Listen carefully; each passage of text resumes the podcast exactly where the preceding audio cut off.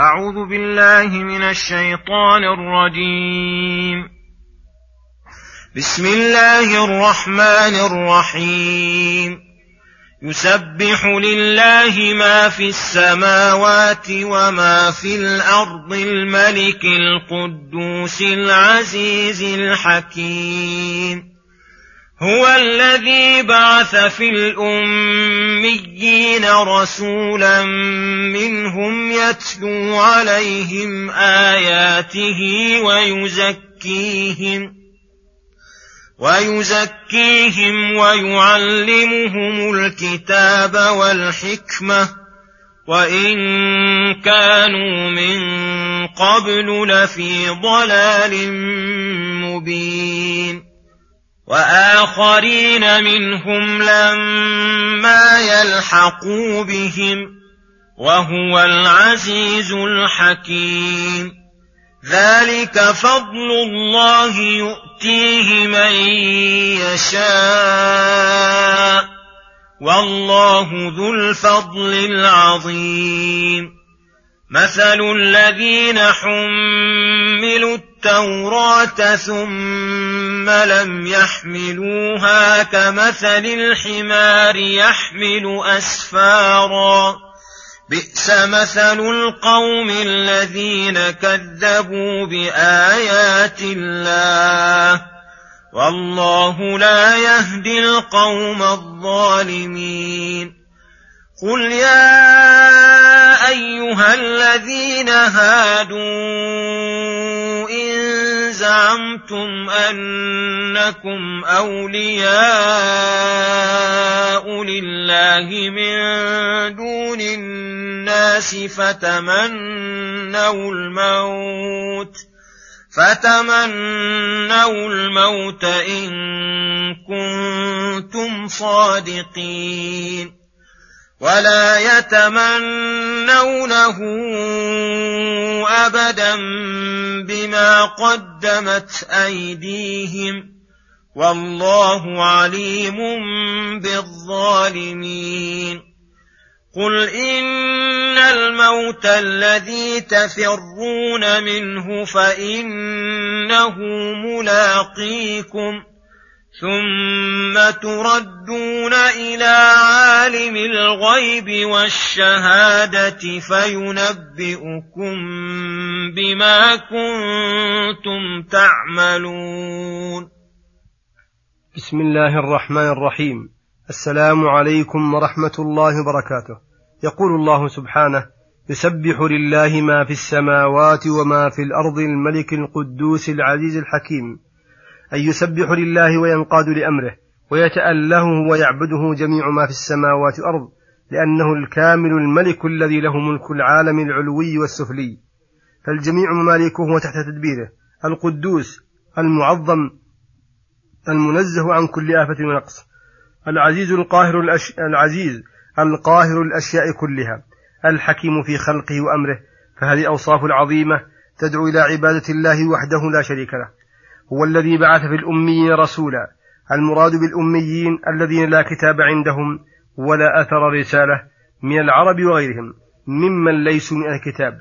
فامتن الله تعالى عليهم منة عظيمة أعظم منة من منته على غيرهم لأنهم عادمون للعلم والخير وكانوا من قبل في ضلال مبين يتعبدون الأصنام والأشجار والأحجار ويتخلقون بأخلاق السباع الضارية يأكل قويهم ضعيفهم وقد كانوا في غاية الجهل بعلوم الأنبياء فبعث الله فيهم رسولا منهم يعرفون نسبه وأوصافه الجميلة وصدقه وأنزل عليه كتابه يتلو عليهم آياته القاطعة الموجبة للإيمان واليقين ويزكيهم بأن يفصل لهم الأخلاق الفاضلة ويحثهم عليها ويزجرهم عن الأخلاق الرذيلة.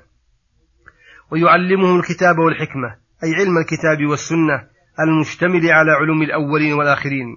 فكانوا بعد هذا التعليم والتزكية من أعلم الخلق بل كانوا أئمة أهل العلم والدين وأكمل الخلق أخلاقا وأحسنهم هديا وسمتا. اهتدوا بأنفسهم وهدوا غيرهم فصاروا أئمة المهتدين وقادة المتقين. فلله تعالى عليهم ببعثة هذا الرسول صلى الله عليه وسلم أكمل نعمة وأجل منحة. وقوله وآخرين منهم لما يلحقوا بهم أي وامتن على آخرين من غيرهم أي من غير الأميين ممن يأتي بعدهم ومن أهل الكتاب لما يلحقوا بهم أي في من باشر دعوة الرسول. ويحتمل أنهم لما يلحقوا بهم في الفضل ويحتمل أن يكونوا لما يلحقوا بهم في الزمان. وعلى كل فكلا المعنيين صحيح.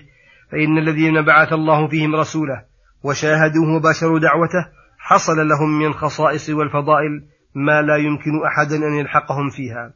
وهذا من عزته وحكمته.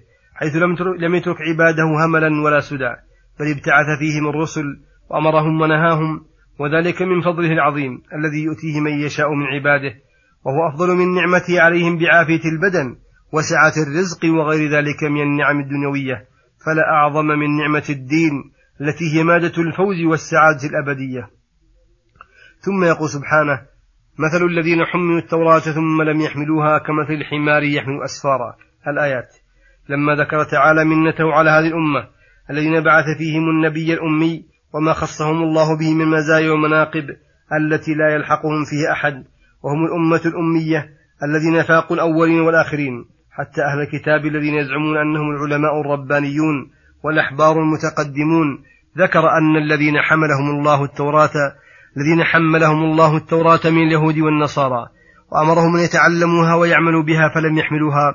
ولم يقوموا بما حملوا به أنهم لا فضيلة لهم وأن مثلهم كمثل الحمار الذي يحمل فوق رأسه فوق ظهره أسفارا من كتب العلم. فهل يستفيد الحمار من تلك الكتب التي فوق ظهره؟ وهل تلحقه فضيلة بسبب ذلك؟ أم حظوا منها حملها فقط؟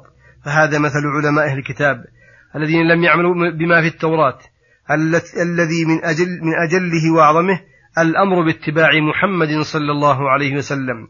والبشارة به والإيمان بما جاء به من القرآن هل استفاد من هذا وصف من التوراة إلا الخيبة والخسران وإقامة الحجة عليه؟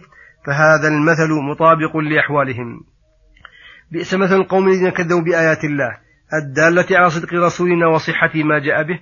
والله لا يهدي القوم الظالمين أي لا يرشدهم إلى مصالحهم. ما دام الظلم لهم وصفا والعناد لهم نعتا.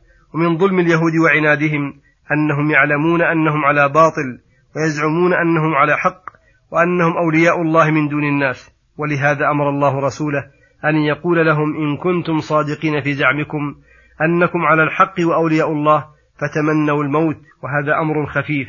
فإنهم لو علموا أنهم على حق لما توقفوا عن هذا التحدي الذي جعله الله دليل على صدقهم إن تمنوه وكذبهم إن لم يتمنوه.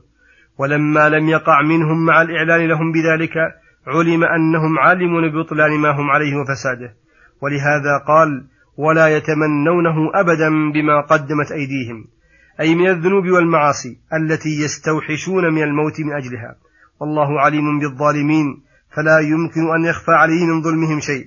هذا وإن كانوا لا يتمنون الموت بما قدمت أيديهم بل يفرون منه غاية الفرار فإن ذلك لا ينجيهم. بل لا بد أن يلاقيهم الموت الذي قد حتمه الله على العباد. ثم بعد الموت واستكمال الآجال يرد الخلق كلهم يوم القيامة إلى عالم الغيب والشهادة فينبئهم بما كانوا يعملون من خير وشر قليل وكثير.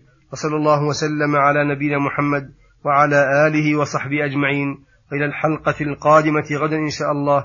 والسلام عليكم ورحمة الله وبركاته.